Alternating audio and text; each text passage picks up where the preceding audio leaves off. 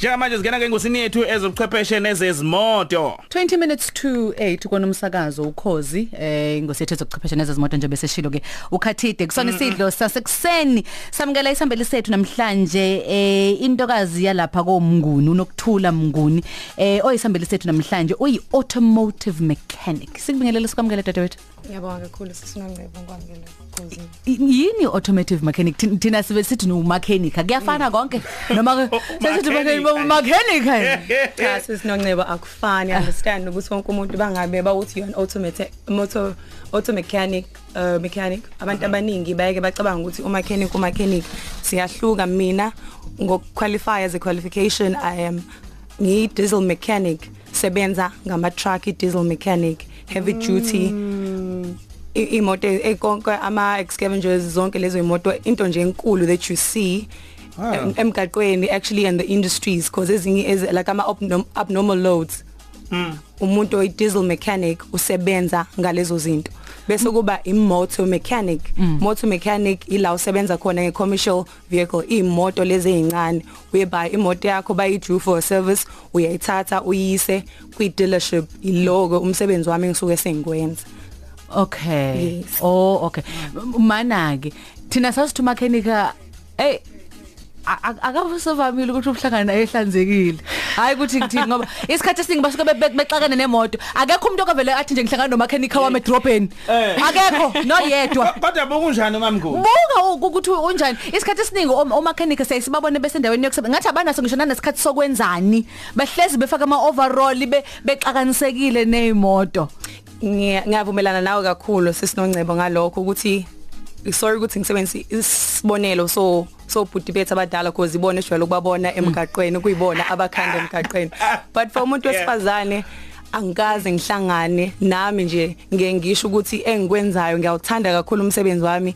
Ngiyaba yibona kodwa ngeke ngize ngibonakale kanjalo emphakathini. Okay. ngoba ngiyazazi ngumuntu wesifazane futhi ngiyayihlonipha ngumuntu wesifazane. And angeke ngize ngikwazi ukushintsha ngishintshiswa umsebenzi engikwenzayo ukuthi sekumele ngingabukeki ngendlela engiyiyona. Kuhle bazokubona ku Instagram Ak- ak- akuso- akusona omunye mechanic lo Eh, okay omunye umuntu uzomangala ukuthi awu umuntu wesifazane emadoda eh o- o o- mechanic eh, kwenze kanjani ukuthi u- u- ukhethele umkhakha? Ukukhuluma iqiniso butjatha ukukhetha umkhakha ngiphuma ekhayeni like ngina nginabo mamncane ngaphambi kwami engihlale ngibukelela kubona. So ukufunda ukufunda kwami nje high school kokuthi ngiyabukelela ukuthi yini abayenzayo bona. Ngaleso sikhathi babe safunda engineering so Hayibo. kwaf- yes. Kwafika isikhathi la nganginama choices amaningi kakhulu ngawenza ama applications kuma institutions ahlukile nga acceptwa la nga acceptwa khona but kwaba ukuthi i reality yangibuza ukuthi ngiyayidinga yini lento le esengacceptele kuyona yini le engiyifunayo mina engiyifisayo kumina. Ngoba ngangibona impilo ababeyiphila phambi kwami ukuthi impilo iyaphileka kuyaqhubeka. Because uma mncane baba bawuthuke oyi1 wenza engineering electrical engineering omunye mechanical engineering qualified as a fitter and tenor bese ngiba nosisi okuyi chemical engineering. So mina ngase ngathi anti ngizofunda ngifunde i mechanical engineering Hey. kodwa ke mina ngaba on the mechanical side. Kube kukuphi ekhaya kukugcwele engineer ekhaya ese Newcastle section 4 ehe. Yeah. U- umuzi wenjinela uyazi ukunake nongcebo ukuthi u- u- ukuthola ukuthi eh kulomuzi uba bakhona mhlambe waye lawyer ummeli. Abantu bakhona futhi namadodana ngene emkhakheni ofanayo mhlambe umusi othisha kube kothisha nje. Nangu untombe eyiningi. Angithi ukuyi property babo wakhe ukuyini nithini uyi architect. Nakho ya- naye uyi architect Ehhe, noma wakhe ukuyi ehhe. design lapha walisha igama lenkampani ngeEnglish kodwa eyama architect. Yeah, so i- ngempela iyathelelana lento iyathelelana lento le. Kunjalo impela. Mana ke usuku nje em- emsebenzini awuspendele isithombe.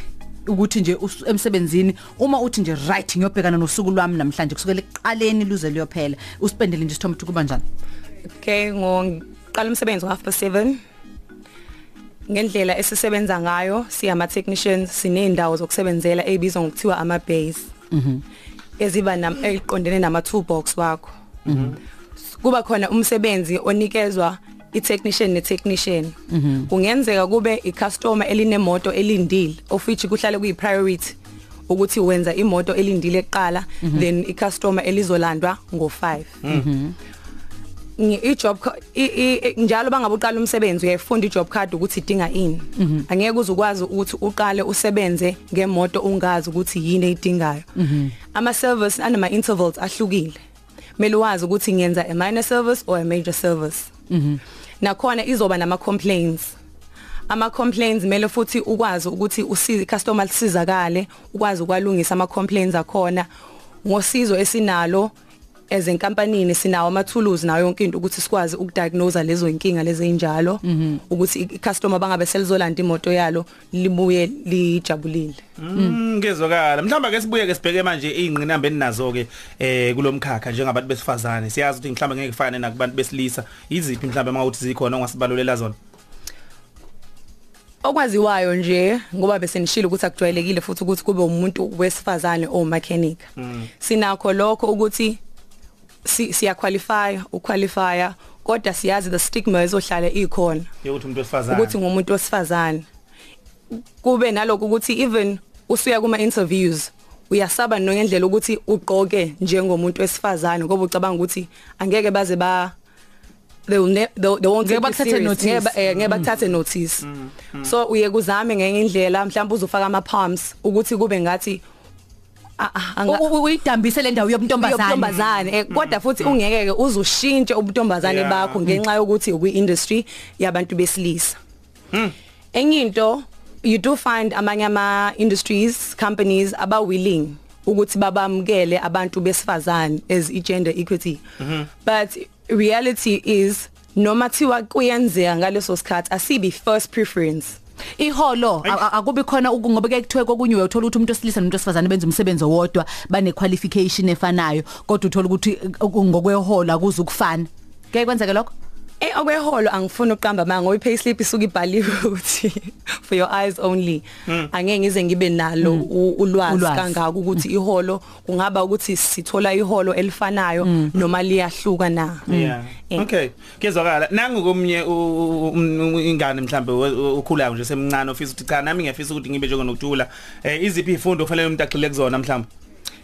bangabe usenza ama choices wakho ka grade 10 mele ukhethe i maths and sciences physical sciences is those two major subjects adingakalayo uze uqede nawo ka grade 12 Okay. mina i went kwi route le ukuse- yokuya e TVET college ngenza my native classes ngaze ngaqeda khona whereby minimum requirements kwakuyiyona i 50% 40% kwi maths and physical sciences Ufunde kuyiphi TVET? ngifunde eMajuba TVET college eNewcastle Waqeda khona N6. ngaqeda khona N6 ngisalinda idiploma yami i've done application nazo zonke izinto uyazi ngithanda Yeah, lekhathi okay. ngithanda Yeah. ngithanda lento yokuthi u- u- unokuthula uveza ukuthi nakho la ekhona manje efunde eTivet Yep. abantu abaningi ama Tivet abawathathi notice bayitshela ukuthi kufanele ngize ngiye ko ko koma koma University of Technology noma Yeah.